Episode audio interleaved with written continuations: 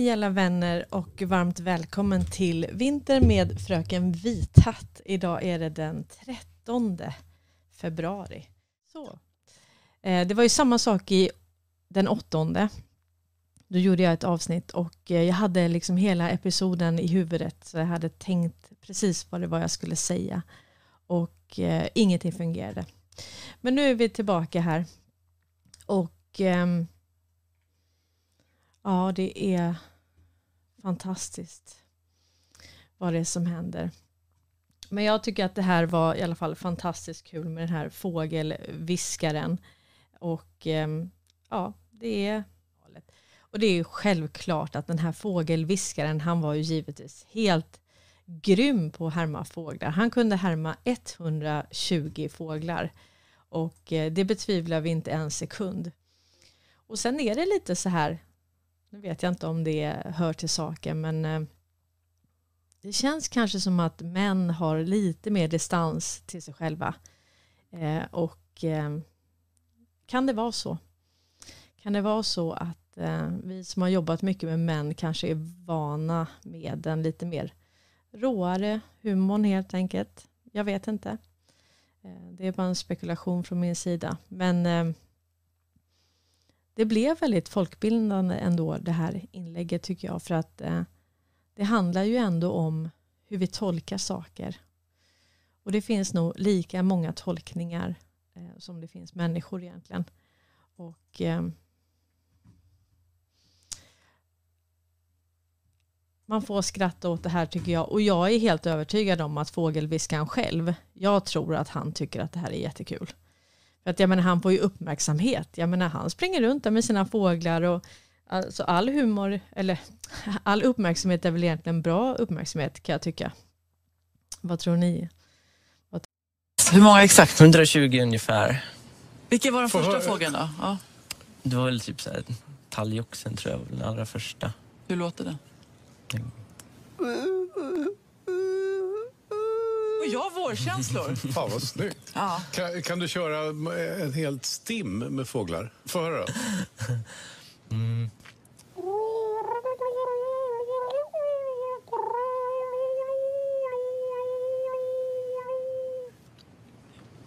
Det är otroligt vackert. Jag befinner mig i skogen. Ja. Men du, ja, om du skulle lite. sätta oss lite på prov då? Jag är, osäker på om vi kommer klara det här, men om du tar någon fågeläten så ska vi se om vi kan identifiera det. Okej, okay. nu har jag ju den här. Jag måste ha lite dricksvatten bara. Mm. Ja.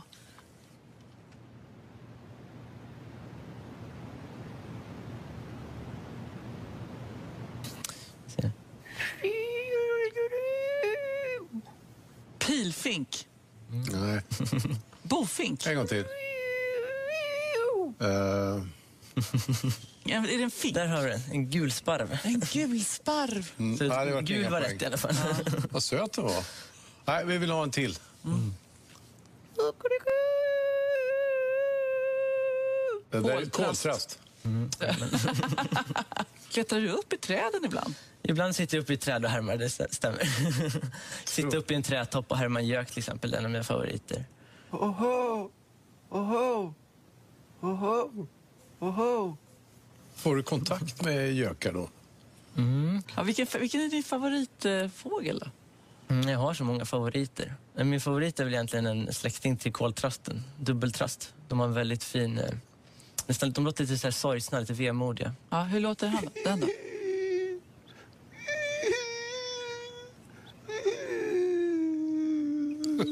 det är som det sitter en fågel där. Ja. Men eh, tävling, en till. Mm. Just det.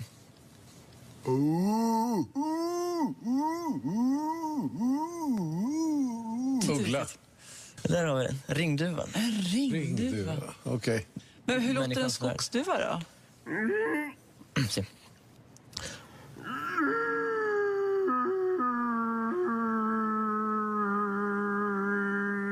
Tack så mycket Andris. Jag orkar inte. Alltså, det, här, det här är precis min humor. Alltså. Eh, men nu ska vi höra originalet. Det är självklart att han kan. Han är ju hur duktig som helst. Men eh, ja, som sagt. Nej.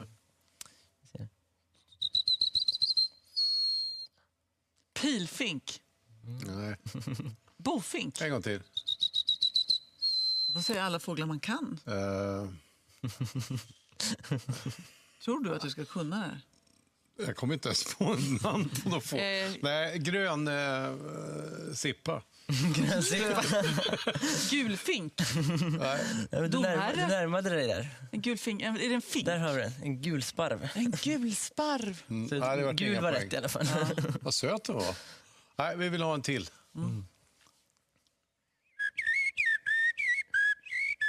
Det där är Koltrast. koltrast. Den är ju en klassiker. Det, är för det var ju den jag försökte härma. Mångas favorit. Ja, Men för, för är det koltrasten som är den här? Ja, det vet jag inte. Den, jag tycker mig ha hört Det är den. Tore Skogman. Ja. ja. Det är koltrasten. Mm, Ja, de har ju lite du variationer på bättre. det. Men... De har börjat sjunga nu. Men vad har du för, när du tänker på frågan, är det liksom med kärlek eller hur, hur förhåller du dig? Alltså, jag älskar ju alla djur kan man säga. Men eh, när jag härmar en fågel, det är som att jag går in i dess väsen på något vis. Jag känner mig oftast som den fågel jag härmar. Ja. Det är som att jag, jag kan känna liksom hur det är att ha näbb och fjädrar och vingar. Och... Klättrar du upp i träden ibland? Ibland sitter jag uppe i träd och härmar, det stä- stämmer. Sitta uppe i en trädtopp och härma en gök till exempel, det är en av mina favoriter. Ja.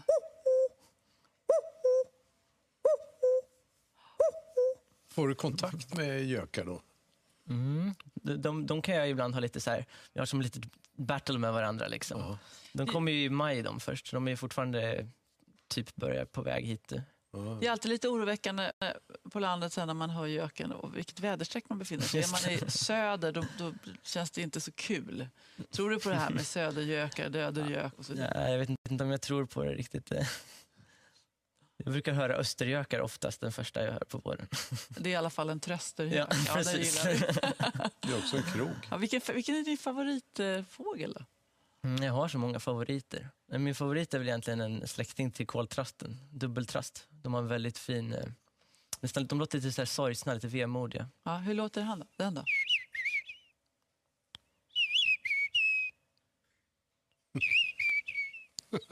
En dubbeltrast alltså. heter det. Det är helt sjukt. Det är precis som det sitter en fågel där. Ja, Men eh, tävling, en till. Just det. jag måste inte alltid tävla. Stefan. Åh, eh, det är skogsduvan. Nej, Inte riktigt. inte Uggla. riktigt. Nej, det är många som brukar säga ugglor när jag härmar den här, men det är ingen uggla. En, en duva bara då? En här En vanlig duva är men- stadsduva? Du, Ja, det är fantastiskt. Jag tycker i alla fall att det där var kul. Men, men som sagt, det, det är bra att vi har en diskussion om eh, vad som är humor. Vad är humor? Var går gränsen? Vad får man skoja om?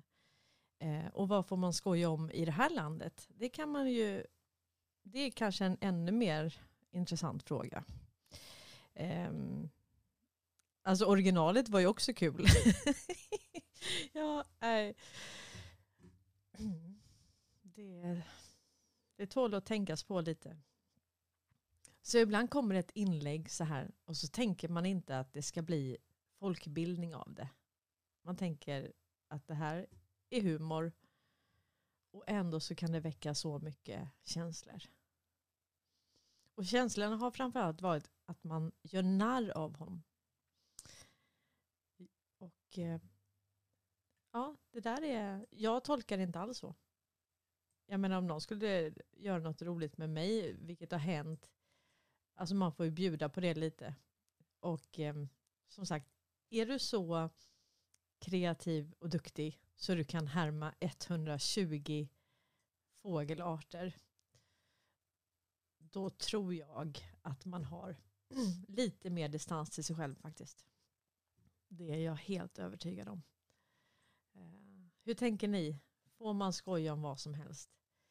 Men där har ju verkligen Trump, eh, han har ju skojat om allt och alla och kallat folk saker och så. Och det är väldigt många som har kritiserat honom för det. Och jag tänker så här att om vi ska göra upp med våra känslogrundande värderingar vad gäller till exempel det här så tror jag man måste gå över gränsen för att kunna väcka känslor. Annars så väcker man inga känslor.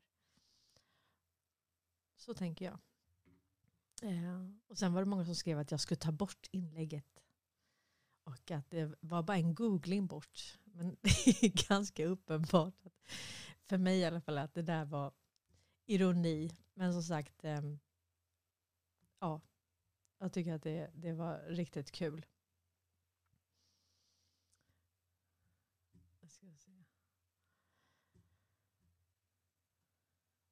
Och det är väl nästan, alltså jag kan säga jag låg, eh, innan jag lyssnade på det där så låg jag under skrivbordet och bara skrattade. Och vi behöver skratta lite nu. Det är, det är så mycket information och man kan säga det som vi skrattar åt idag. Eh, det är ju inte samma som vi skrattade åt innan. Utan nu är det ju, ja, det är mycket som är det är mycket som kommer nu som är tänkt att det ska verkligen skaka om oss.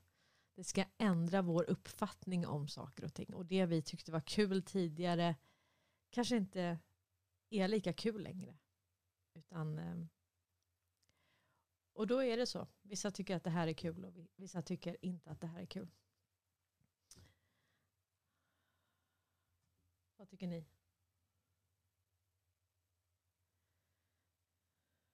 Man får skoja med allting. Höj ljudet. Så lågt ljud igen. Okej, nu har jag. Jag kanske inte pratar mitt i här. nu då? Ja, då ska jag höja mer. Hallå, hallå, hallå. Så. Nu hör ni mig kanske bättre. Jag kan höja lite här också. Se till om det blir distord. Mm. Ja, hörni. Var börjar vi egentligen? Vi har ju pratat lite om den här eh, eh, intervjun som Putin och eh, Putin och Tage Karlsson hade. Och den är väl uppe i en eh, ja, kvarts miljard visningar och sånt.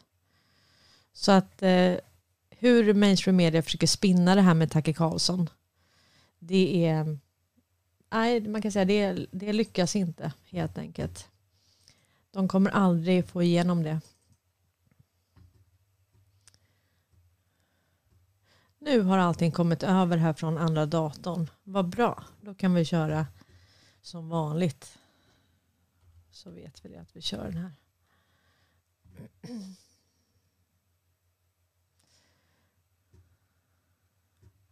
Och apropå humor hörni. Alltså det, det, här har jag skrattat åt varje gång det kommer. Eh, alltså jag tycker att det här är så otroligt roligt. Man med skulder bytte adress, skrev sig hos sin handläggare på Kronofogden. En Sofielundsbo hade skulder hos Kronofogden och skrev sig hos sin handläggare på myndigheten. Nu döms mannen mot sitt nekande av Malmö tingsrätt. Och det här är ju då för det första, det här är inte kul, men man får inte skratta. Alltså, det här är inte kul för att det här, det här tyder på ett underliggande problem som är, som är faktiskt fruktansvärt. Problemet med det här, det är att man kan bara skriva sig på någon annans adress. Så utmätning då, det skulle då ske hos den här personen. Och då är frågan, okej, okay, om, om du skriver det hos mig, har man rätt att utmäta? Ja, då kan man ju skriva sig hos Wallenberg då ju. Och så kan man gå där och utmäta saker. Ja, det här är, det är rätt intressant alltså. Tänk att, att vi kan göra så. Jag vet ju när jag jobbade i finansbranschen så kunde det vara så att säg en pensionär som hade en eh, ett hus som var värt 8 miljoner. Vi bara säger det. Men pensionen som den här pensionären fick in var så låg så att de fick inget lån. Så att helt obelånad kåk på 8 miljoner i Limhamn. Då är ju frågan, okej, okay, bara för att du inte har så mycket inkomst men du har sparade pengar plus ett stort värde i bostaden. Då kan man tycka att man borde kunna få en miljon i lån i alla fall. Men nej, det får man inte. Och då har vi gjort så här eh, eller vi, men flera med mig har gjort så att man har då skrivit någon annan på adressen, till exempel ett barn som har en hög inkomst, eller en inkomst i alla fall. Eh, och då är det så att då räknar man ihop inkomsterna i hushållet. Och det gör då att man, eh, man kan få igenom ett lån. Och sen brukar jag säga så här att till de som tänker liksom att ja, men de märker att pensionen inte blev vad den var. Eh, och då är det så att när du väl är pensionär, nej då har du inte så hög inkomst och då kan du inte få något lån idag. Och du kanske inte har någon pension. Och enda sättet då att realisera det värdet som du har i fastigheten. För du kanske har varit duktig och betalat av alla skulder. Det är ju då enda sättet att realisera den här vinsten då, eller värdet, det är ju då att sälja. Men det kan ju vara så att man inte vill sälja. Man vill inte sälja sin fastighet. Mm. Och då måste du egentligen sälja för att kunna få pengar. Så att du har pension. Och det här är ju det, det är ju så konstigt system så det finns inte. Så jag brukade säga det när jag var rådgivare. Att, alltså, är det så att man skulle, vet man med sig att man kommer få en väldigt låg pension. Man har en fastighet som man vet är värt mer än det man gav. Man har inga lån på det. Så är det alltså bättre att såklart belåna. Antingen kan man sälja då så man får loss pengarna. Eller så kan man belåna och då blir det eh, ja, det blir en, som, en form av delrealisering av underliggande värde. Mm. Men eh, som sagt, det här är, det här är humor. Det är humor och alltså jag har skrattat åt det varje gång. Eh, och jag och Karl har ju ett sånt hustroll som skriver till oss hela tiden. Eh, och han skriver alltid det kommer bli ett roligt år. han är väldigt positiv till våra troll och han lyssnar säkert nu. Eh, och då är det så här, då skrev han att det här var tips då till eh, Karl Norberg. Så att, eh, ja. Och så skriver han alltid det här kommer bli ett underhållande år. Och ibland känns det som att eh, ibland känns det som att han informerar oss om alla pågående domar eh, och rättegångar och så mot Trump. det är ju svårt att hålla koll på allt det där. Men det håller alltså vårt lilla hustroll järnkoll på.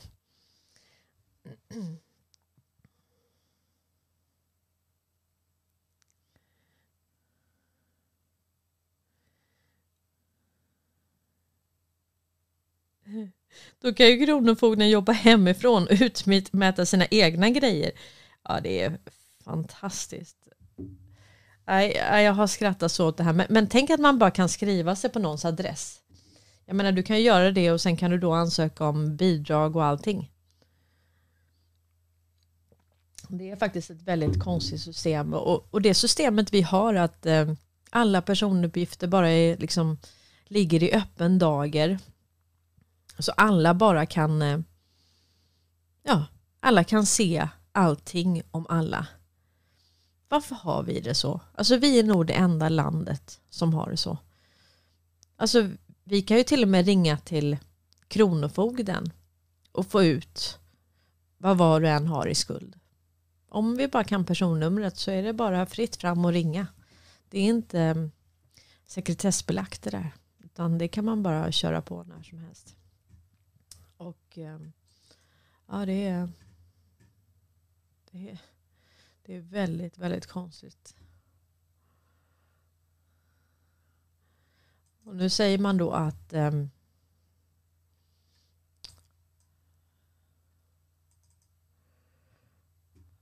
Jag tog ju bort den så jag kommer repetera lite från förra gången. Men det här med att eh, storbankernas rekordår delar ut 120 miljarder till ägarna.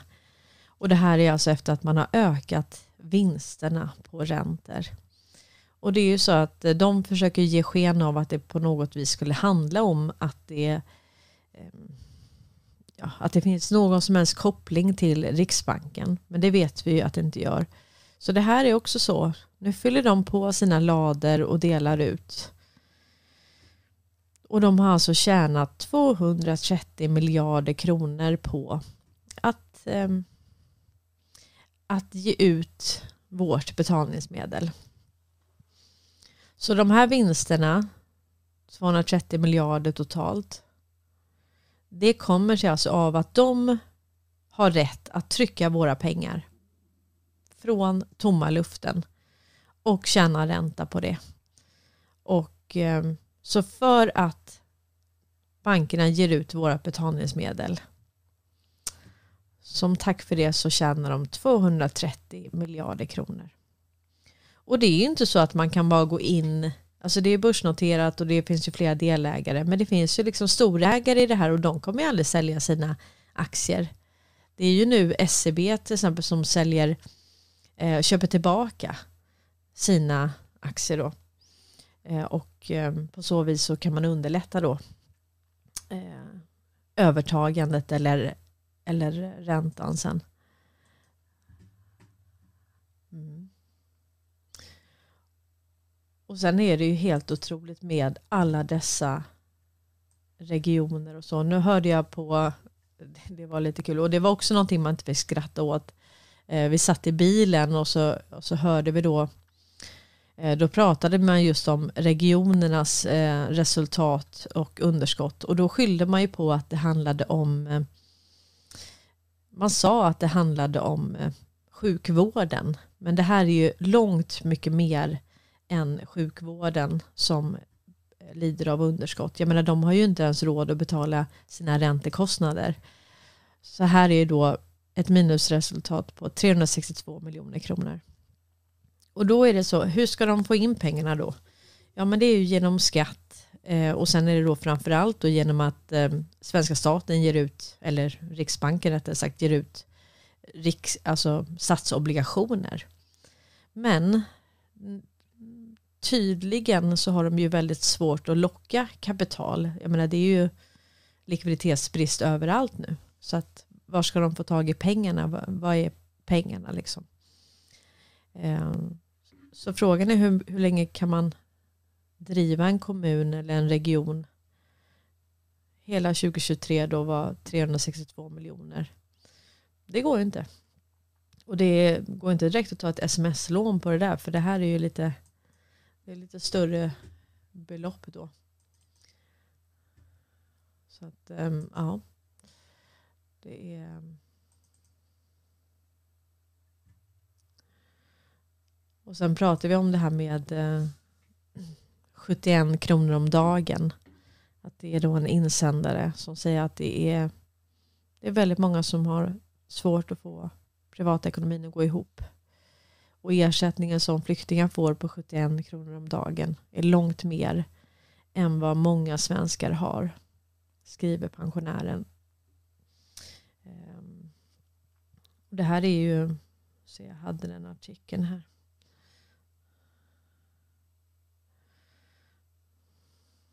Låga inkomster och höga kostnader gör att många har svårt att få privatekonomin att gå ihop. Ersättningen till flyktingar på 71 kronor om dagen är mer än vad många svenskar har. Apropå den pågående debatten om att höja stödet till asylsökande. Jag har jobbat och betalat skatt sedan 18-årsåldern. Ibland deltid men också välbetald heltid. Trots det får jag ut bara cirka 8500 kronor i pension efter skatt. Ja, ensamstående 8 och 5 efter skatt. Och det är ju så att när du väl är pensionär så är det så att de pengar du får ut och de pengar du har det är de pengar du har. Och man har ju då ja, de sista tio åren i alla fall så har man ju sänkt pensionerna. Alltså bromsen har gått in så man har liksom gjort en omräkning att, att du har en, en minusavkastning i pensionssystemet. Då. Ehm, så det här är det här är allvar nu. Alltså det är ja, det är väldigt många som inte har pengar och får det gå ihop. Och ehm, ja, alltså folk nallar ju av eh, jag tror att det är väldigt många som har haft ett sparkapital som att det har börjat sina. Man har plockat av de pengarna hela tiden. Så att säga. Och det går ju bara en viss tid så att säga.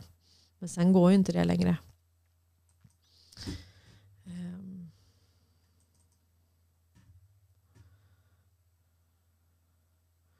Och sen det här är ju inte särskilt förtroendegivande heller. Ehm, konjunkturinstitutet. Ehm, inte omöjligt att vi har fel igen. Men vad ska vi mer om till då? Om de inte ens... Och då menar de på att modellerna som hade behövts nu, de finns inte helt enkelt ännu. Utan eh, matpriserna fortsätter uppåt och inflationen minskar. Så nu har de hamnat i ett läge där de, de har bara rumpan bak helt enkelt. Och eh, nu är det att krypa till korset och erkänna då att eh, inflation är inte prishöjning. Det kan vara en konsekvens av det. Om vi säger att man skjuter in massa pengar i ekonomin och samma pengar konkurrerar om ett begränsat antal varor. Då kan det vara så. Som till exempel eh, nyrika ryssar som åker runt eh, i Turkiet och andra länder och ska köpa pälsar och sånt. Ja men då kan det vara så att det trissar upp priserna för att det är, de vill ha en specifik vara så att säga.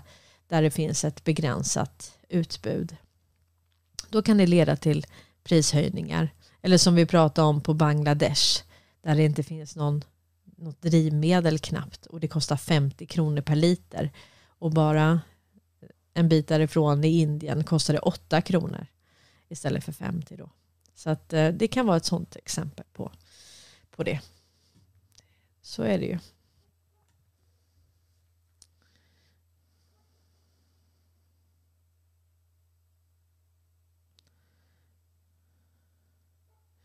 Eh, Bibi säger så här, tror att man får ut 2% av den pension man egentligen har rätt till.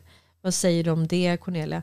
Ja, man, man brukar säga att man får ungefär 40% av lön.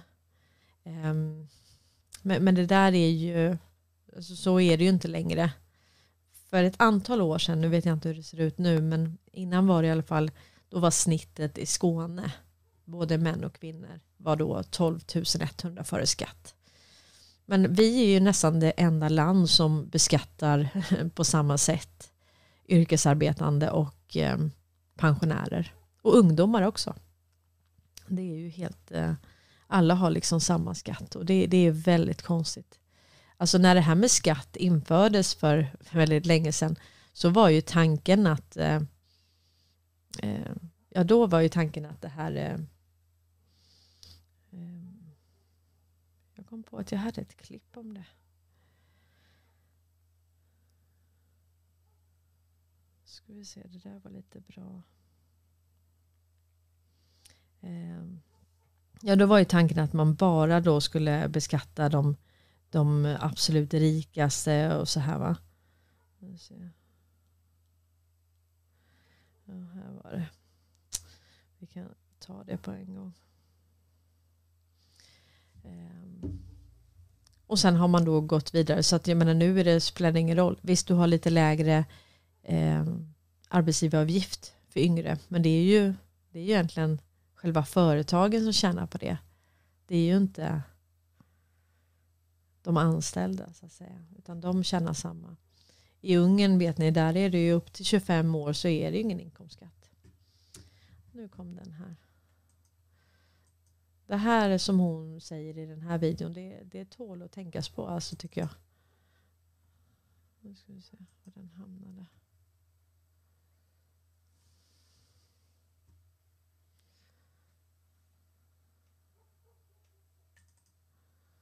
Kanske hamnade där.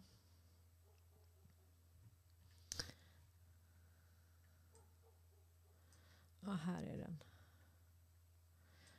Det här är lite bra att påminna sig om det hon säger här. För att det här ger lite perspektiv på saker och ting. Och det här kanske speciellt är för de som eh, för fram den idén att, eh, att vi skulle vara fria så att säga. Att det, det läge vi har nu. Att det är någonting som vi vill eh, hålla fast vid. Alltså, och när man förstår vilket skitsystem det här egentligen är så vill man absolut inte hålla fast vid det här överhuvudtaget. Jag vill inte det i alla fall. Deluding yourself. Hate to break it to you, but you're a free range human in a tax farm. 150 years ago, you didn't have to ask permission from the government to go fishing, own a property, build on your property, renovate your home, use a transportation vehicle, start a business, get married, own a weapon, hunt, cut hair, sell a product, protest, grow your own food, sell that food that you grow on your own property, or even just set up a lemonade stand. And now you virtually can't do anything without asking for the government's permission first. So if you still think you're free, you're deluding yourself. Hate to break it to you, but you're a free range human in a tax farm. One Ja, det, det, där är... Det hon säger där, det, det är ändå lite intressant. Och eh, jag har ju aldrig eh, drivit eh, gård eller något sånt. Men jag har ju då varit rådgivare åt eh, olika företagare som har haft olika gårdar och så. Och eh, man kan väl säga så här att eh, man har byggt upp hela systemet kan man säga med eh, bidrag. Både bidrag men, men sen också att du inte får ta betalt. Jag åkte genom Kristianstad och så är det typ tre, tre fyra mackor, eh, mackar precis efter varandra. Och eh, bensinen igår här kostade då 18,29. Eh, och alla hade exakt på öret samma. Och sen kom jag bort Eh, ja, en mil bort och då kostar det också 18,29. Eh, så det här är ju liksom larvigt. Helt larvigt. Det här är ju kartell så det bara visslar om det. Alltså det, hur ska man kunna tolka det på något annat vis? Och då var ju eh, Ja, vad ska jag säga? Nej, men, och, då, och då är det så att alltså, du får ju inte ens köpa mjölk och så direkt från bonden. De får ju inte sälja egentligen. Utan man reglerar ju varenda liten grej. Så att det, du får bara sälja mot mejeriet, du får ta visst. Det, det, här är ju verkligen så var det ju inte innan. Det som hon säger här att jag menar, nu, nu är det så här, ska du gifta dig, ska du klippa hår, ska du sälja någonting från din gård, ska du sälja grödor och, och sen kallar du det fri. Vad är du fri att göra exakt? Vad är det vi får göra utan att fråga om lov? Alltså i stort sett ingenting. Vi får inte fiska vad vi vill. Ja, det är väl allemansrätten då. Man får tälta. Ja, man får inte tälta exakt vad man vill heller. Nej, det, det är så mycket regler hörni så, så man blir helt matt. Vi, vi måste få lite perspektiv. Alltså det, det, var inte, det var inte så här galet innan. Det var faktiskt inte det. Och... Uh, mm.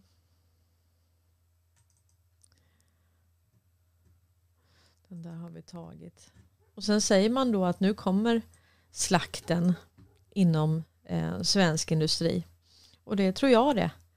det är, jag har pratat med vissa som jobbar i, inom industrin och eh, nej, det, det är liksom likviditetsbrist. Man har, inga, man har inga pengar helt enkelt. Nu kommer slakten. Och det här har att göra med flera olika saker. För det första så tror jag att man har eh, eh man har nallat åt sig olika patent som man inte ska ha. Jag tror att Oskar Stenström har fullt sjå faktiskt med att dela upp, sälja av och splitta innehav. Hur många utav våra succéer är inte på bekostnad av någon annan? Det är ju verkligen frågan alltså. Så att um, Nu ska vi se.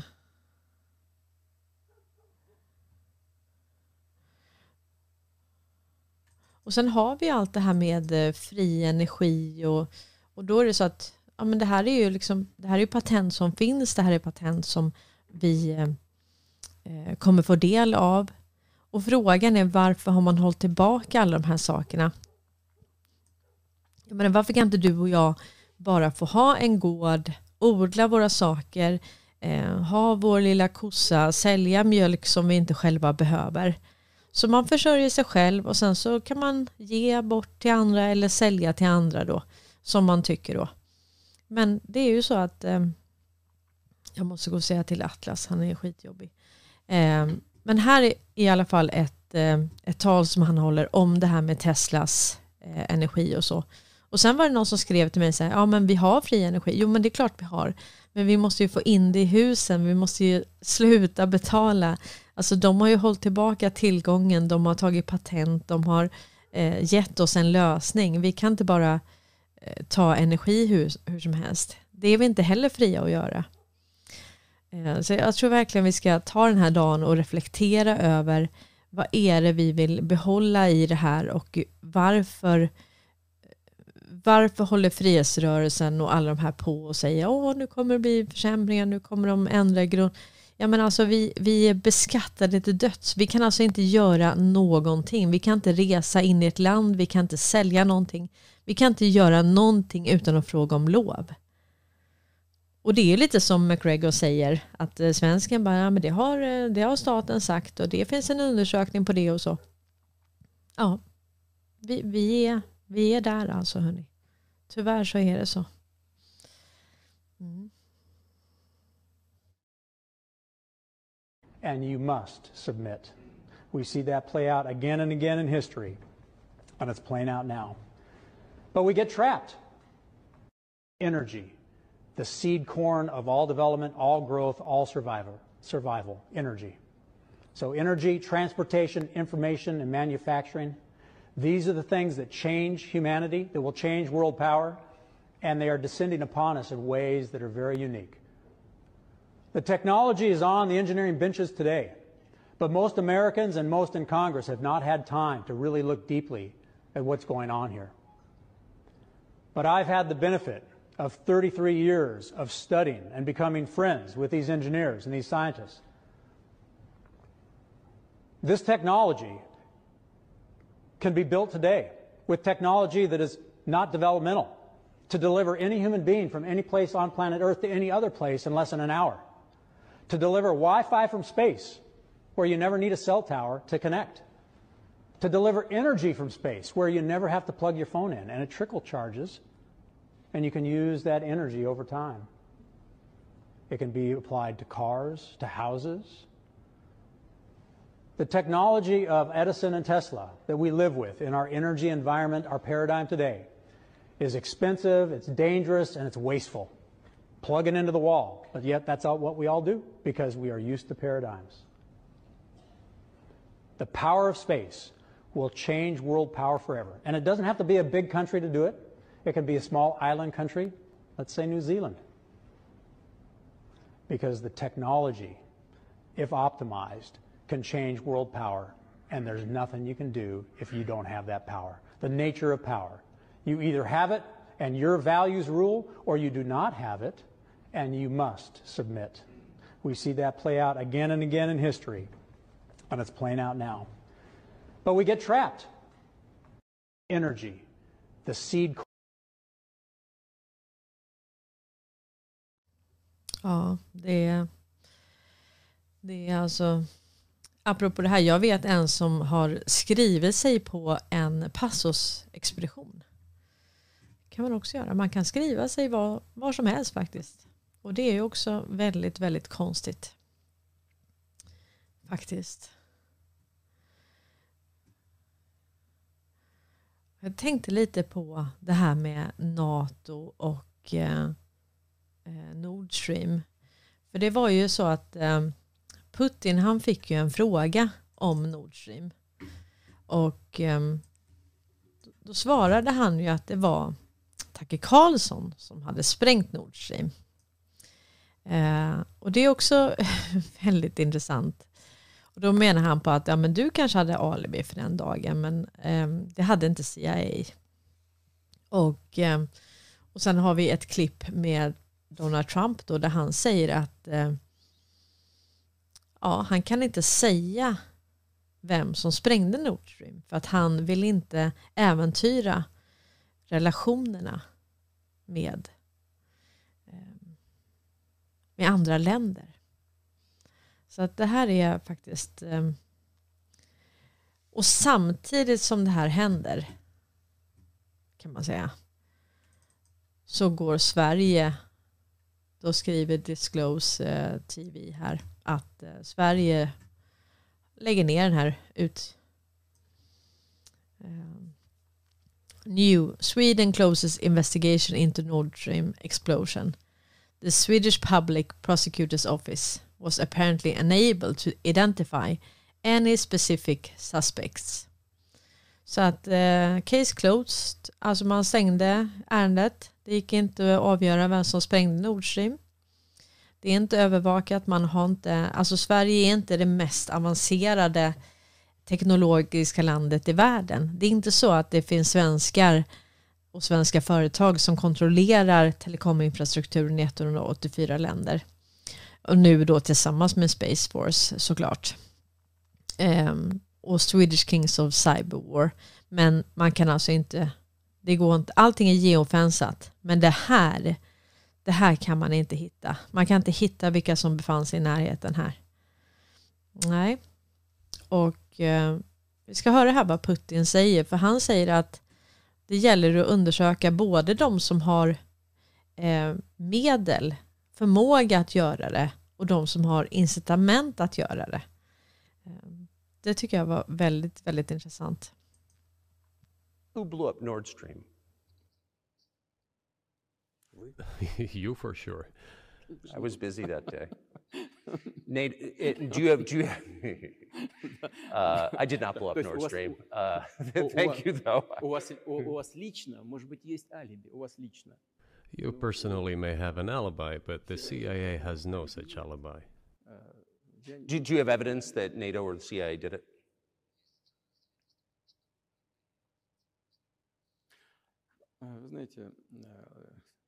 You know, I won't get into details, but people always say in such cases, look for someone who is interested.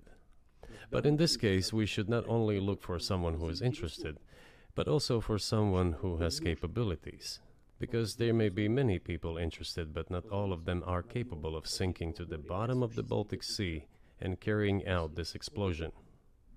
These two components should be connected.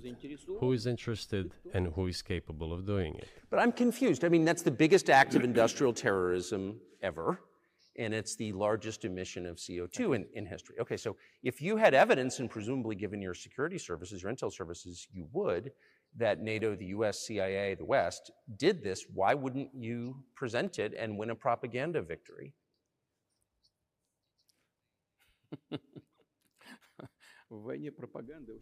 In the war of propaganda, it is very difficult to defeat the United States because the United States controls all the world's media and many European media.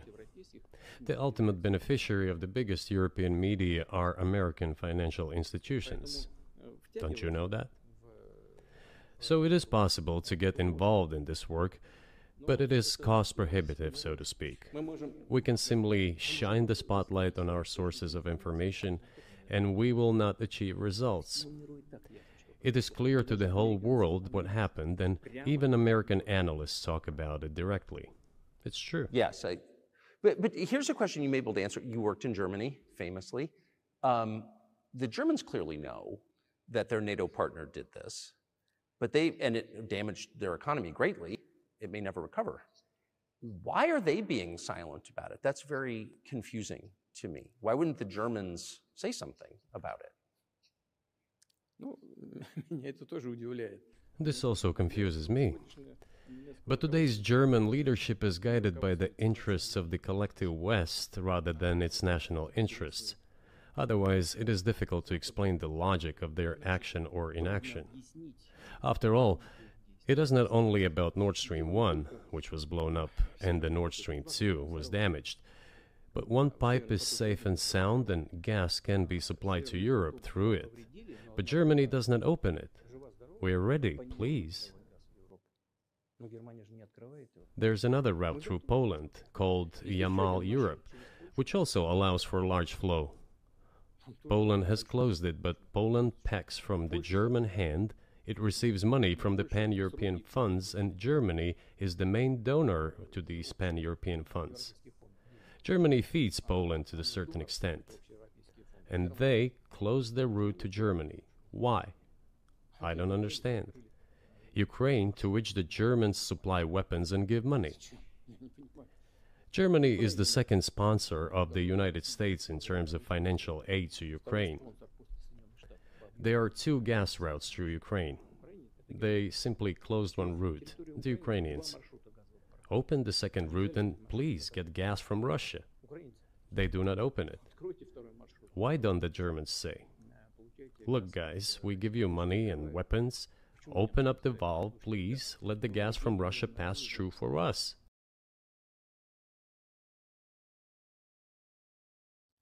Ja, det här är, det är helt otroligt alltså. Um, och då säger Tucker Carlson så här, vem sprängde Nord Stream?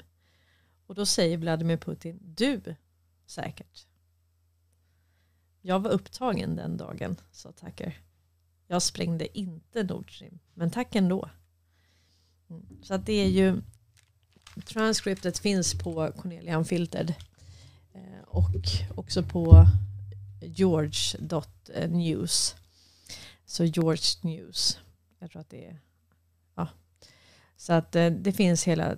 Och det här är ju väldigt konstigt att om man nu bryr sig om sin befolkning överhuvudtaget. Varför stänger man av? Det är alltså möjligt för Tyskland att ta in rysk gas. Men man gör inte det. Och även Ukraina kan också få rysk gas. Men de gör inte det heller. Så att det här, man kan säga här vann eh, Ryssland propagandakriget. För de andra har gått och skylt på Ryssland i allt det här. Och här fick han oemotsagd säga sin mening att vi har kanaler, vi är beredda, men det är de själva som inte vill öppna det. Och det här är alltså det kollektiva väst som han pratar om, som, eh, eh, som gör så här. Och det här skadar alltså deras egen befolkning. Men det bryr, det bryr man sig inte om helt enkelt. Så man, man skiter i sin egen befolkning. Och eh, det ska man komma ihåg och det, det, är där man ska rikta sin egen eh, ilska och förstå hur det ligger till. Så den här intervjun, det tål att eh, gå igenom den här eh, Eh, ett par gånger och läsa hela transkriberingen. Vad, vad är det de säger egentligen och vad innebär det? För det finns många godbitar. Jag hade ju missat flera saker och eh, man får gå igenom. För det blir så att eh, beroende på vad man är i sina tankar så är olika saker viktiga. Så att man får lyssna flera gånger helt enkelt. Men här får det här är också Tucker Carlson som intervjuar Donald Trump då. Och då ställer han samma fråga till Donald Trump. att Vem var det som sprängde Nord Stream 2? the Nord Stream pipeline? Um, I don't want to get our country in trouble, so I won't answer it. But uh, I can tell you who it wasn't was Russia. How about when they blamed Russia? You know, they said Russia blew up their own pipeline. You got a kick out of that one too. It wasn't Russia. Uh, so I won't answer the question only because I don't want to get our country yeah. any deeper than they already are. Det här är väldigt intressant för att det har ju kommit fram med de här presidentdokumenten PEAD och man kan säga att det är ju det kan man säga utkast av eh, exekutivordrar. Eh, ska se.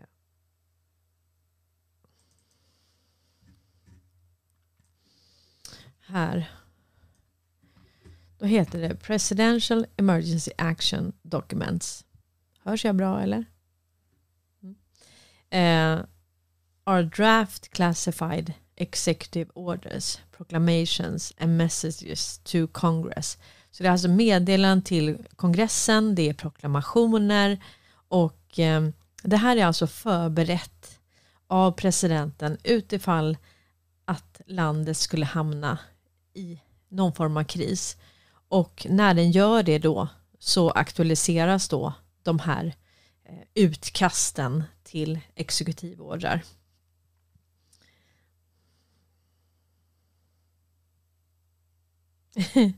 Roger tycker att han ska emigrera till Ryssland för han har alltid känt sig som ryss. ja, ja, faktiskt. Men eh, vi ska se lite, för, för de här, det som är intressant med det här att att de här PEAD, de här eh, Presidential Emergency Action Documents, de behöver man inte ens visa för kongressen. Så att här kan det då dölja sig eh, väldigt mycket. Och, och, den här har såklart eh, Cozy Pepper gjort. P, E, A. Det är fem myror är fler än fyra elefanter. Eh, och här har vi ett litet klipp på, eh, på, oj, på vad det här egentligen innebär. Där fick ni se en glimt av hur många dokument jag har här.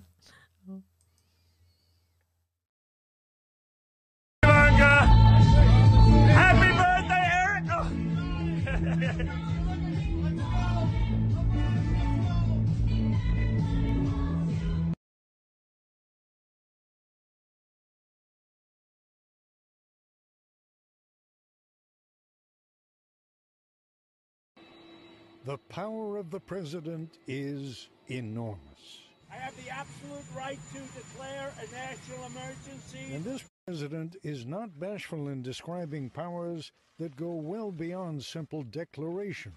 The authority is total. And that's the way it's got to be. The authority is total. There are, it's true, some restraints on most presidential authority, but those might not apply to all the president's powers. I have the right to do a lot of things that people don't even know about.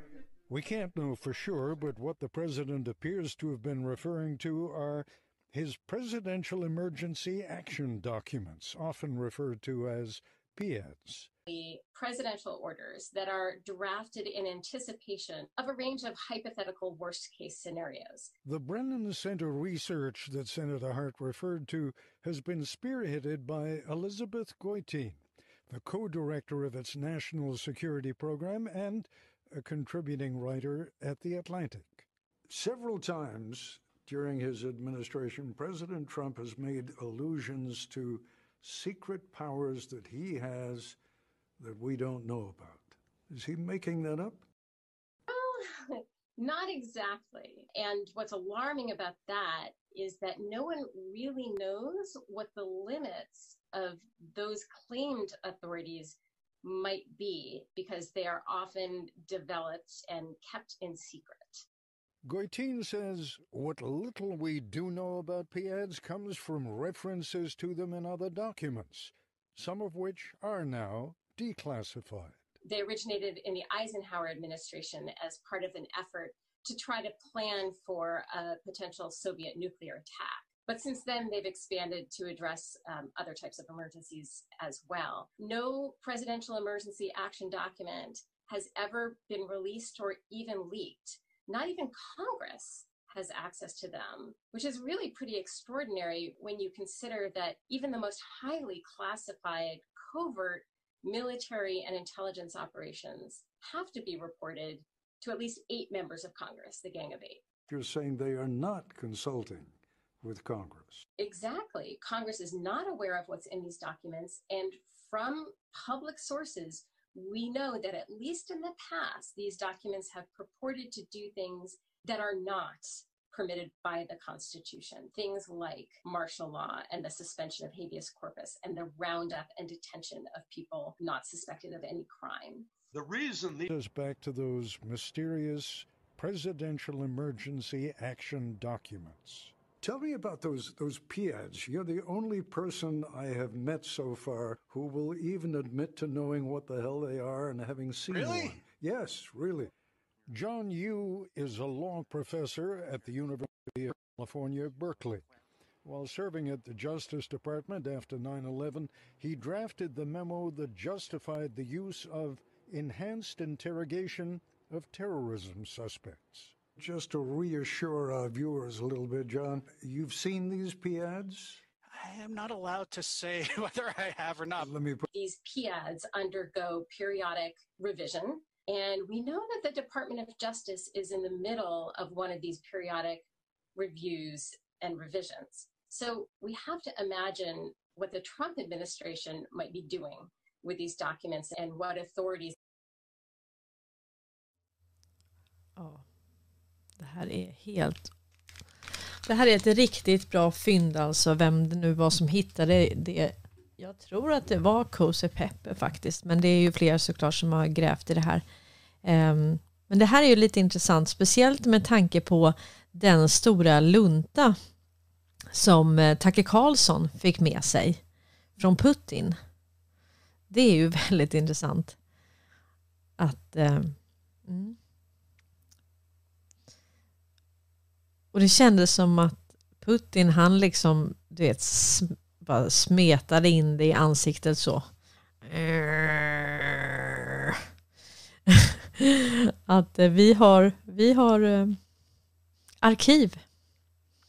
Han sa det flera gånger, vi har arkiv i våra arkiv. De där arkiven, mm, det innehåller nog en hel del saker.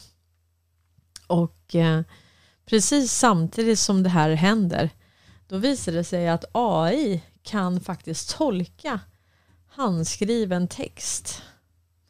Här är då en ny AI-modell tolkar handskriven text, svensk text från 1600-talet. Svensk också. Det känns ju som att AI kanske pratar mer engelska, men såklart. Det är ett nytt AI-verktyg har gjort det möjligt att tolka handskrivna texter från 16, 17 och 1800-talen enligt ett pressmeddelande. Jaså, hur länge har man då kunnat det? Och då har man alltså gjort en eh, tolkat då i, ur en psalmbok från 1400-talet. Som jag förstår. Nu när vi får se all den här teknologin och hur den kan användas och så, då kan vi bara vara helt medvetna och på det klara med att det här har man kunnat väldigt, väldigt, väldigt länge. Det eh,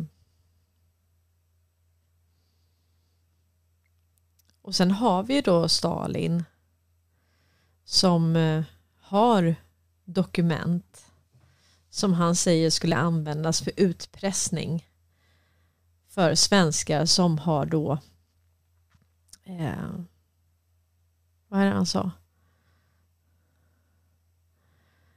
Ja. Som har varit nazister långt innan det andra världskriget. Någonting sånt var det. Jag minns inte exakt vad han sa. Men det, var, det fanns i alla fall dokument där. Och det kan vi tänka oss med Raoul Wallenberg och, och allt det här vad som har kommit fram där. Jag menar han var ju, om vi då tänker på eh, det som utspelas nu i eh, Ungern så är det ju mm. I Ungern så har vi Soros och där hade vi alltså Raoul Wallenberg. Han hade ju en exportfirma mellan Ungern och Österrike. Och han var ju diplomat också så han hade ju då immunitet. Så han kunde ju helt röra sig fritt så att säga. Och eh, det här är lite intressant med eh, Ungerns president här. För att hon avgår ju nu efter en pedofil härva. Jag tänkte vi skulle läsa lite om hennes bakgrund. Jag hittade i alla fall att hon är alltså gift med eh, en man som är, heter Istvan. Eh, nu ska vi se. Ja, nu fick jag ju upp såklart. Eh, Katalin. Han är i alla fall chef för Riksbanken. Det är ju Katalin. Och hon är född samma år som mig. 77 och var ju den... Nu ska vi se.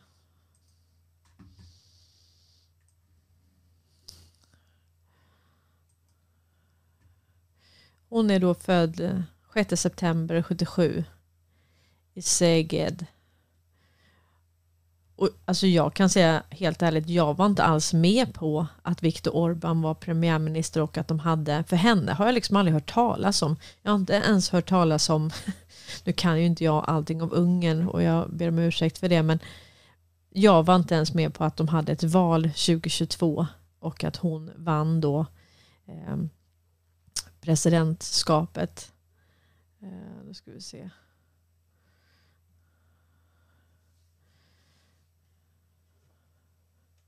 Då står det så här, vid 2022 års presidentval genomförs som en votering i nationalförsamlingen vann Novak med 137 röster mot oppositionskandidaten Peter Rön, Ronas. Eh, lik sin företrädare gick hon ur partiet, det vill säga Fides, efter att ha blivit nominerad till posten. Den 10 februari 2024, nu då, avgick hon. Detta efter att det hade avslöjats att hon var inblandad i april 2023 att ha benådat Endre Konya, en tidigare biträdande chef för barnhemmet i Biske, som var inblandad i pedofilfall och döms i fängelse. Ja, det är ju så lägligt då att eh, eh, man har ett barnhem när man är pedofil.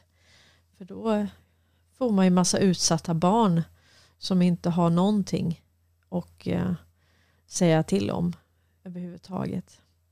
Då står det Novak har en bakgrund som ekonom och eh, hon tal, förutom ungerska så talar hon engelska, franska, tyska och hon har tre barn tillsammans med sin make Istvan Veres, en av cheferna på Ungerns centralbank MNB. Och eh, ja, om det hade varit i Madagaskar kan jag säga, då hade den här pedofilen istället för att blivit benådad så hade han blivit av med sina kulor. Eh, de börjar nämligen nu att eh, eh de eh, kastrerar våldtäktsmän helt enkelt. Så att det är tur för honom då. Att han inte befann sig där. En kontroversiell lag har godkänts i Madagaskars parlament. Landet vill nu kastrera barnvåldtäktsmän. Ja, det är helt rätt. Då har man visat att eh, man har två kulor för mycket helt enkelt. Och nu har vi ju nu har vi ju vi har ju sån regnbågsvecka nu va. Eh, och då finns det ett antal klipp där, man, där flera går in på bibliotek och sånt och pratar om det här. Och eh, en som jag känner, han... Eh, eh, först så skrev han på intranätet. Så de hade skrivit så här att man kunde göra olika saker, det var tipspromenad och allting var då i, i den här Pride, eh, Pride flaggans och anda. Jag måste prata in i micken, skriver älgen. Ja men tack älgen. Jag ska prata in i micken. Eh, det är kanske därför jag har en mick. Nu ska vi se. Jag måste bara läsa upp vad han skrev här på intranätet.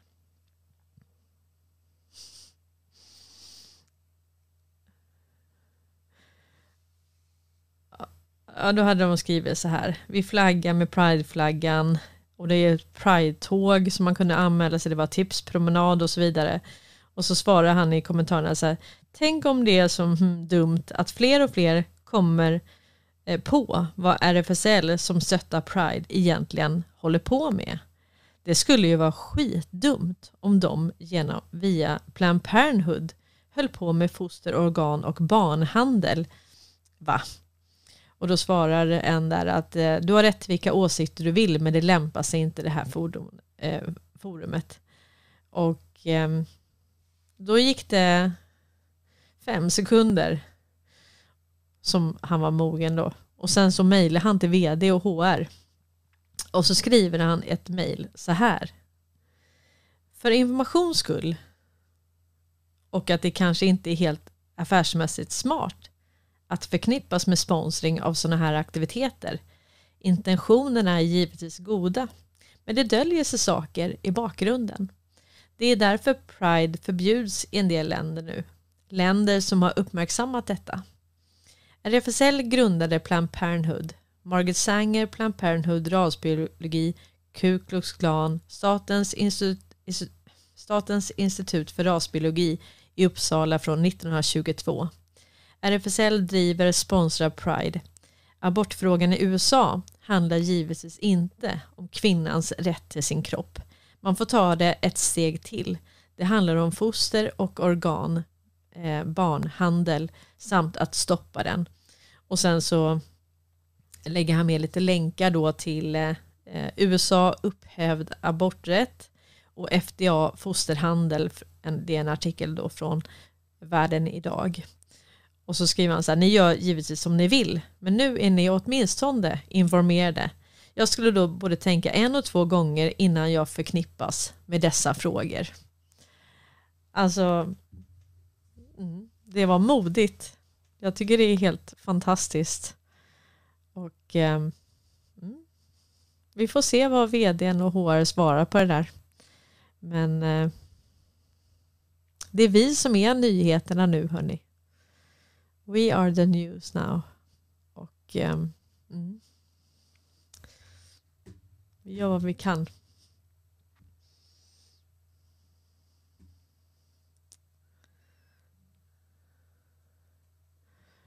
Då ska vi se.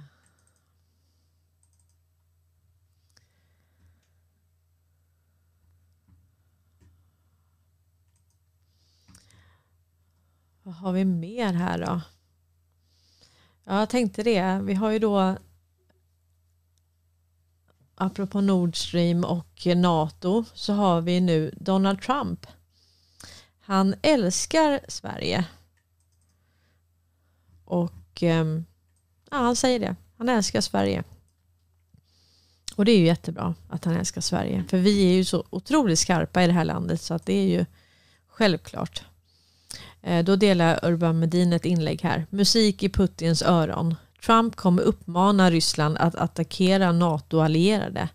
Donald Trump sa att han är redo att uppmuntra Ryssland att attackera de, som, eh, de amerikanska NATO-allierade som ur hans synvinkel inte uppfyller sina ekonomiska förpliktelser, skriver Guardian. En av presidenterna i ett stort land reste sig och sa Sir, om vi inte betalar och Ryssland attackerar oss kommer ni att skydda oss? Jag svarade, du har inte betalat, du undviker betalning. Nej, jag skulle inte försvara dig. Jag skulle faktiskt till och med uppmuntra Ryssland att attackera. Du måste betala. Du måste betala dina räkningar, sa Trump lördagen den 10 februari. Och eh, i South Carolina. Tidigare under sin valkampanj 2016 uttalade politikerna att USA under hans ledning kunde överge sina skyldigheter gentemot NATO och försvara endast de länder som spenderar minst 2% av sitt BNP på försvar. Så att, eh, och han sa att de, Putin kan göra vad han vill, sa han. He can do what the hell he wants. Så att... Um, mm. Men hur går det då? då? Om det inte ens är självklart att NATO kommer skydda NATO. Ja men det här verkar inte så, så lovande. Om det är då en allians och du har A och B-medlemmar, eh, så att säga, de som har betalat sina förpliktelser och de som inte har gjort det. Då är det ju inte självklart så att, säga, att alliansen stöttar alliansen. Eller hur? Och det är ju inte... Det känns ju som att eh, NATO... Eh, ja. NATOs dagar är räknade helt enkelt. Det känns ju som att det finns ett lite samarbete dem emellan här också. Så att... Eh,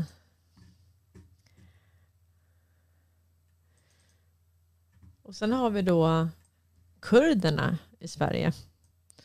Eh, då skriver... Eh, oj. De känner sig inte säkra. De känner sig eh, utsålda. Då säger de så här, now we are not safe. Sweden Kurds fear eh, not a deal has sold them out. Sweden's sizable Kurdish population sees sign of rising Eh, repression of the Turkey Demand Action. Ja, är det så att eh, de blir utsålda i det här? Det kanske är så att vi kommer ha jordens genom tiderna största återvandringsprojekt i det här. Och det här med kurderna då och eh, Turkiet och som sagt optiken är vad den är. Och sen apropå symbolik så har vi då den finska presidenten. Han hade en liten symbol bakom sig. Det där ser ju precis ut som den eh, pedofil eh, symbolerna som FBI släppte. The Boy Lover. Ja, ni ser här va? Här har vi honom. Det ser ju ut. Oj. Jag vet inte om jag har nya lyssnare som inte har eh, sett det här men eh, här är då, det här var FBI som eh, släppte de här kodorden som pedofiler använder då. Eh, och då representerar den här eh, boy lover, little boy lover, the girl lover, lover ser ut som precis GB, the child lover, eh, Child Love Online Media Activism logo. Och eh, det här användes då i barnprogram. Här är valnöt. Det är då färgade. Hotdog boy, pizza girl, cheese, little girl. Chicken or pasta, little boy, ice cream, male prostitute, sauce, orgy och eh, map, Simon. Mm. Så att um, det har pratats mycket om glass också. Det är väl Biden, han pratar väl väldigt mycket om glass. I det här. Mm. Så han blir alltså vald samtidigt som Finlands får en ny president. Vad heter han? Stubb va? Någonting. Och han har då den här symbolen. Och Ungerns president avgår för att ha benådat en pedofil. Mm. Nu drar det ihop sig hörni. Det gör verkligen det.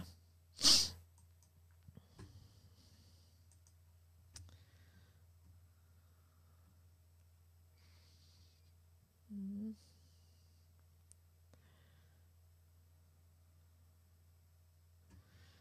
Intressant.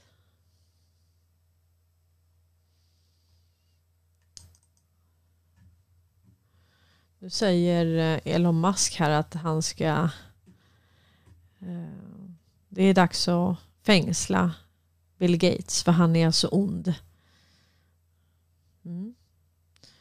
Och det är ju så, de har ju varit i munhugg flera gånger. Bland annat för att eh, Bill Gates har då låtsas att han är då en vän av klimatet samtidigt som han eh, blankar aktien då, Tesla-aktien. Och, eh, och jag kan säga att eh, Elon Musk han hjälpte ju Putin-intervjun lite. Han eh, la det som, ett pin, som en pinnad tweet och så sa han så här att eh, videorna som finns på X kan du titta genom din tv-apparat. Så han gjorde det som ett sånt upplysningsinlägg liksom. Så han, han kommenterade inte intervjun men den ligger som pinnad så att säga.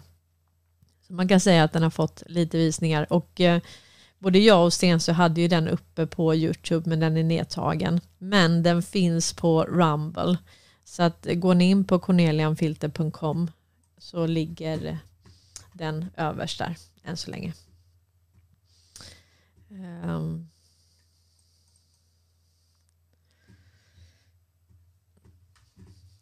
Och sen har vi då Norge som går sin egen väg eh, när det gäller eh, Israel och eh, Hamas. Då är det ju så att eh,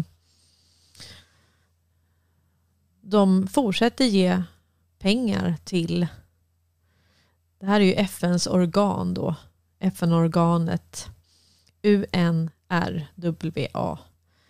Och um, det har då kommit, framkommit att de var delaktiga i den här Hamas terrorattacken den 7 oktober.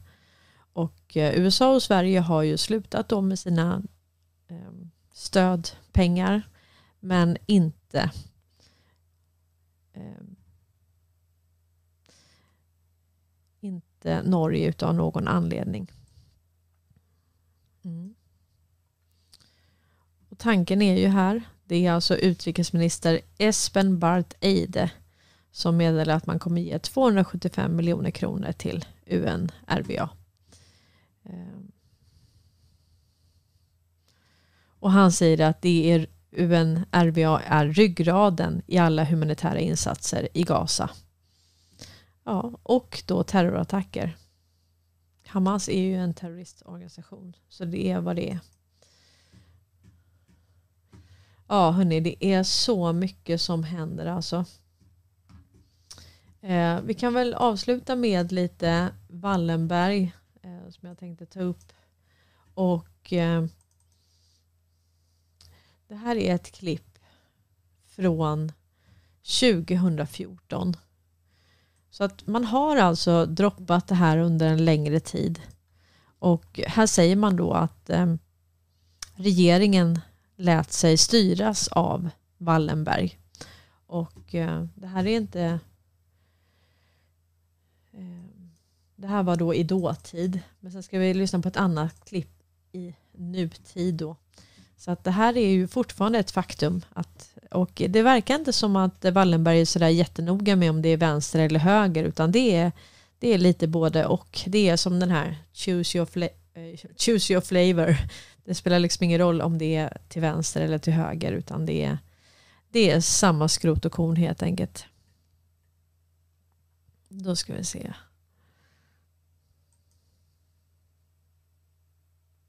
Det blir ju moraliskt och politiskt tvivelaktigt eftersom man ju faktiskt var inne på det spåret att man borde lägga ner det här. Va? Då, då är det ju en direkt påtryckning som påverkar processen och så får det naturligtvis inte gå till i en demokratisk stat överhuvudtaget. Utan det, det är ju ett exempel på en, på en odemokratisk påverkan helt enkelt.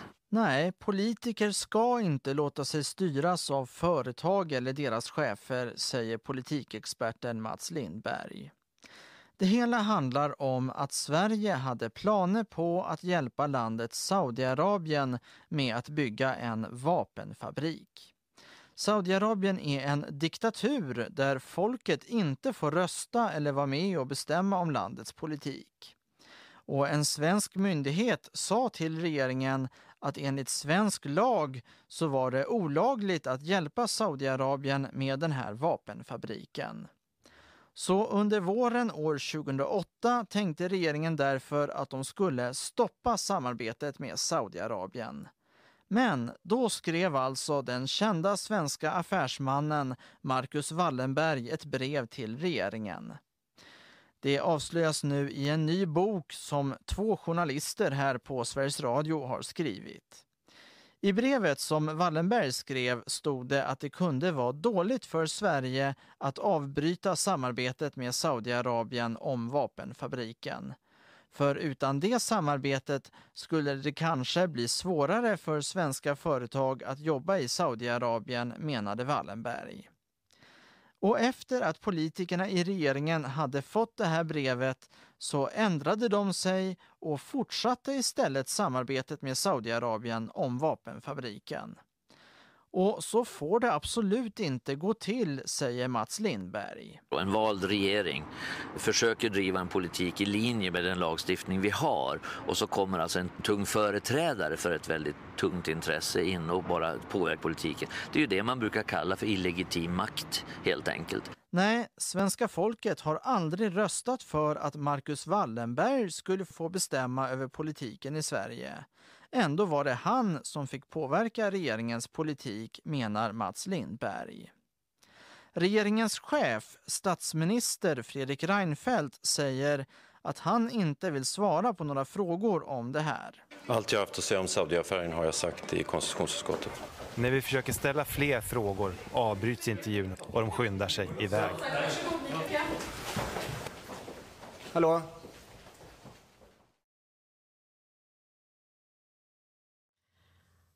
Ja. Det där var väl i klartext om något. Det svenska folket har inte röstat på Wallenberg. Nej, och ändå så bestämmer de. Det här var faktiskt eh, häromdagen i, eh, var det Agenda va? Eller var det Utrikesbyrån? Eller vad heter den? Det här var Cozy Peppe som delade också. Följ gärna honom på, eh, på X, Twitter. Inflytande har eh, den här familjen över politiken? Jag tror att Wallenberg eh, de är ju så mycket större än alla andra. Jag tror att de har ett speciellt inflytande. Min, min känsla är att de andra familjerna inte har den där direktkontakten med regeringskansliet som Wallenberg har. Men det har ju de. Både, får man säga, jag höll på att säga kanske framförallt med den socialdemokratiska eh, regeringen men också med, med, med borgerliga regeringar. Och det har väl de haft av tradition. Det har funnits en dialog där som har visat sig framgångsrik. Eh, och även där, det är klart man kan tycka att det, det sticker lite i ögonen. Men samtidigt tror jag att de har under så många år, har den här familjen, har familjen Wallenberg visat att de har kunnat komma med konstruktiva lösningar och liksom tagit massa olika beslut som har gynnat det svenska näringslivet. Och någonstans har väl regeringskansliet eller politikerna sett att det finns en uppsida att prata med dem. Mm. Eh, mm, vad säger ni? Man tyckte att det var väldigt bra att ha den kontakten. Och det är klart att eh, vi vet ju att Wallenberg har ju skött skött både alla hela finansekonomin eh, och såklart alla, hela ut, alla utländska relationer, foreign relations, har ju varit Wallenberg som har skött. Så utrikespolitiken och finanspolitiken har ju varit Wallenberg. Och det har man tyckt att det har varit tryggt att ha Wallenberg då. Eh, och det, det är ju så. Och då spelar det ingen roll om det är eh, höger eller vänster. Så att de här eh, som vi har de här bilderna som cirkulerar med choose your flavor och eh, eh, om det är den djupa staten som eh, det här är frågor om hur den djupa staten ska fungera och vad är då det här för cirkus. Så att eh, vi har varit rätt på bollen hela tiden. Det här är, det har inte spelat någon roll vad man har röstat på. Utan Wallenberg har haft en direktlina in till både vänster och höger och kun, kunnat påverka politiken som icke folkvalda element som faktiskt har styrt och ställt. Och eh, det bygger i grunden på inte bara kompetens givetvis som Wallenberg besitter utan också det eh, den beroendeställning som alla länder har haft till Wallenberg. Det är ju så att den makt de har besuttit har gjort att de har ju kunnat skicka tillbaka helt enkelt länder till stenåldern.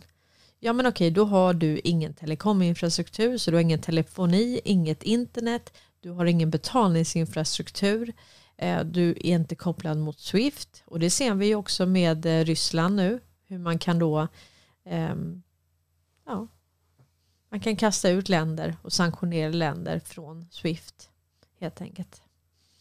Och sen kraftförsörjning då. Kasta ut elen också för säkerhets skull. Så att um, man kan säga att Wallenberg har ju inte skött, skött det här snyggt någonstans. Utan de har nog eh, lite snyggt ehm, utövat påtryckning.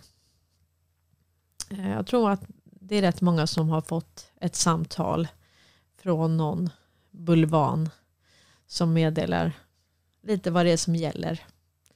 Kommer man upp sig, man får ett för stort företag, man får för mycket pengar så är det någon som hör av sig till slut. Och eh, ja, som sagt, de har inte skött det här övertaget som de har haft över alla andra. Eh, sen är frågan hur länge de har samverkat eller hur länge de har varit under belägring så att säga med överrock. Vi vet ju att det har varit sedan november 2019 men det måste ha börjat långt, långt tidigare. Och det är klart att om schackspelet, eh, alltså om monopolspelet innebär då att eh, mm, att man ska vinna alla gator och konkurrera ut alla andra. Ja, då vann de det. Ja men vad bra då. Då vann ni Wallenberg. Ni vann spelet utifrån de regler som finns idag. Och vad vi kommer fram vad vi har kommit fram till det är att de reglerna vi hade de är inte tillämpliga. De kan vi inte ha. Vi kan inte ha ett samhälle som bygger på konkurrens, vilket i sin förlängning innebär eliminering och död. Det är helt omöjligt. Så det vi har kommit fram till efter, efter att vi har spelat det här spelet nu i ett par hundra år så har vi kommit fram till att ja, men okej, ni vann, men nu gör vi om hela spelplanen, spelreglerna. Det går inte att en sitter med alla gator. Det är helt omöjligt. Och bara tar ut skatt på alla andra. Alla andra går på knäna, alla andra urholkas mer och mer. Samtidigt som några sitter och bara cashar in. Och jag menar det är ju ganska provocerande att bankerna delar ut 120 miljarder samtidigt som kommunerna eh, verkligen går på knäna liksom. Eh, så det är det är helt otroligt. Jag tänkte att vi ska avsluta faktiskt med eh, Magnus Bergman har gjort en ny låt som jag tyckte var så fantastiskt bra och jag började 8 ehm, februari med den. Ehm, men jag tog ju ner den som sagt för jag blev ju så distraherad. Men idag har allting löpt på efter att jag bytte dator så att eh, det känns ju väldigt skönt att det fungerar. Men hörni, stort tack för idag. Och eh, vi ses igen imorgon klockan 12. Och sen vet ni nu att jag kommer göra små instick med highlights som är i poddformat. Där jag bara diskuterar en händelse eller en nyhet eller så. Eh, och då blir det podd så att säga. Så det, det kommer jag göra mellan sändningarna lite. Om det är någonting som man snabbt bara vill diskutera eller ventilera eller eh, kasta ut eller eh, kommunicera mer kring. Eh, så, så kommer det bli.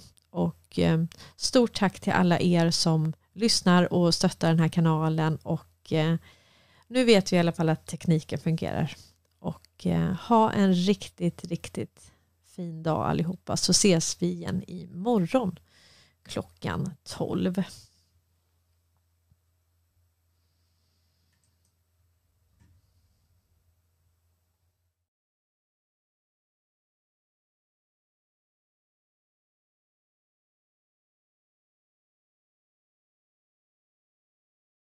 Kan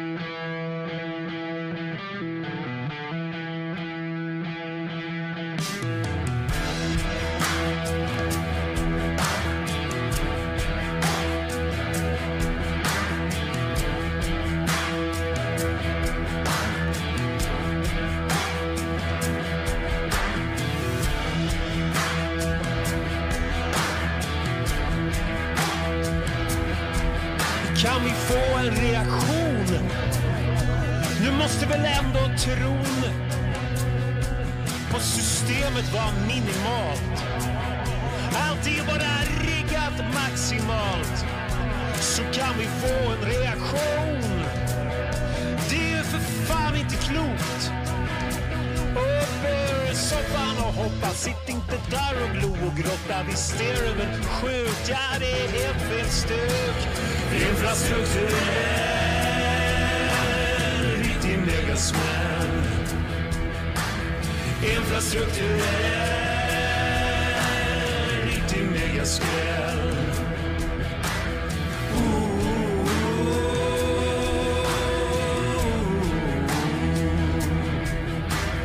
Infrastrukturell, riktig megasmäll. För att ett samhälle ska fungera så måste vi bli flera som förstår vad som är viktigt. Hur allt ska byggas på riktigt. Och inte lägga våra liv i händerna på galna direktiv. Men kanske botten måste nås innan full förståelse kan fås. Infrastrukturell, riktig megasmäll. Infrastrukturell,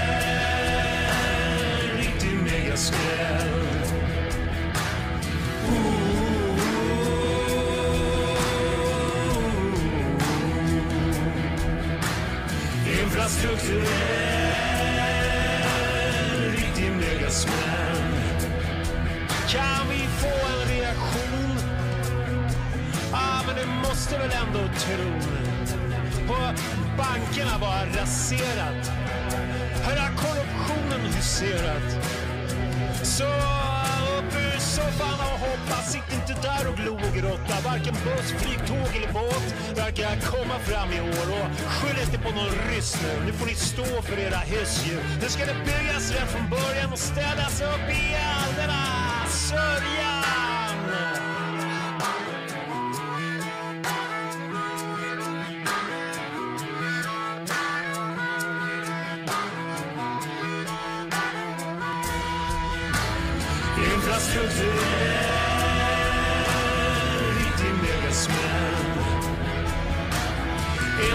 Infrastrukturell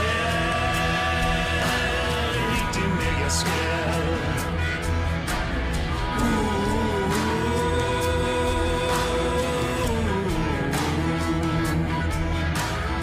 Infrastrukturell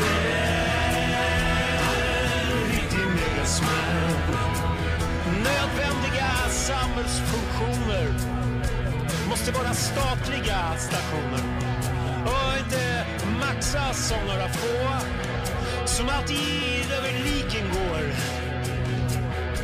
För att maxa sin egen vinning och skövlar helt utan besinning. Sjuka och gamla får lida i ensamhet på grund av all den här girighet. Men det är ju så det är. Allt har ju styrts av en global företagssfär. Infrastrukturell, riktig megasmäll. infrastrukturell liegt die Megasquare.